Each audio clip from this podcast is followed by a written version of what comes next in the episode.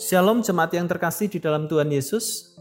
Penuntun saat teduh Sinode Gereja Kristen Jakarta hari ini Minggu 6 Februari 2022. Judul renungan Pendamaian karena Iman. Nas renungan hari ini terambil dari Roma pasal yang ke-3 ayat yang ke-25a. Kristus Yesus telah ditentukan Allah menjadi jalan pendamaian karena iman oleh darahnya. Sekitar 30 tahun yang lalu, sepasang suami istri berpisah karena konflik dalam rumah tangga. Ketika anak mereka dibesarkan oleh si ibu, anak-anak bertumbuh dalam iman Kristen di sekolah minggu. Anak-anak itu mendoakan dan membawa ayah dan ibu mereka untuk percaya kepada Kristus. Kedua orang tuanya menerima Yesus sebagai Tuhan dan Juru Selamat, dan kedua orang tua mereka pun didamaikan. Mereka dipulihkan dan hidup rukun tinggal bersama sebagai keluarga yang mengasihi Tuhan. Paulus menasihatkan bahwa Kristus Yesus telah ditentukan Allah menjadi jalan pendamaian karena iman dalam darahnya. Di sini konsep tentang pendamaian tidak boleh dimengerti seperti dalam konteks mitologi Yunani. Dalam mitologi-mitologi sering diajarkan tentang dewa-dewi yang murka dan perlu diberi korban tertentu untuk meredakan murkanya, misalnya berupa sesajen.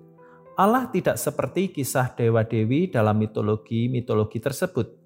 Paulus menekankan bahwa hanya Allah sendiri yang dapat meredakan murkanya, bukan manusia dan perannya yang berupa persembahan atau sesajen.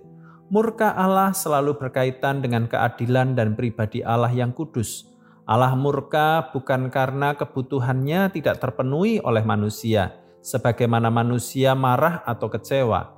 Allah murka karena manusia melanggar kekudusannya, tidak menghormati kekudusan Allah, peran darah Kristus di sini selain sebagai jalan pendamaian dan penghapusan dosa, juga sekaligus memperlihatkan keadilan atau kebenaran Allah.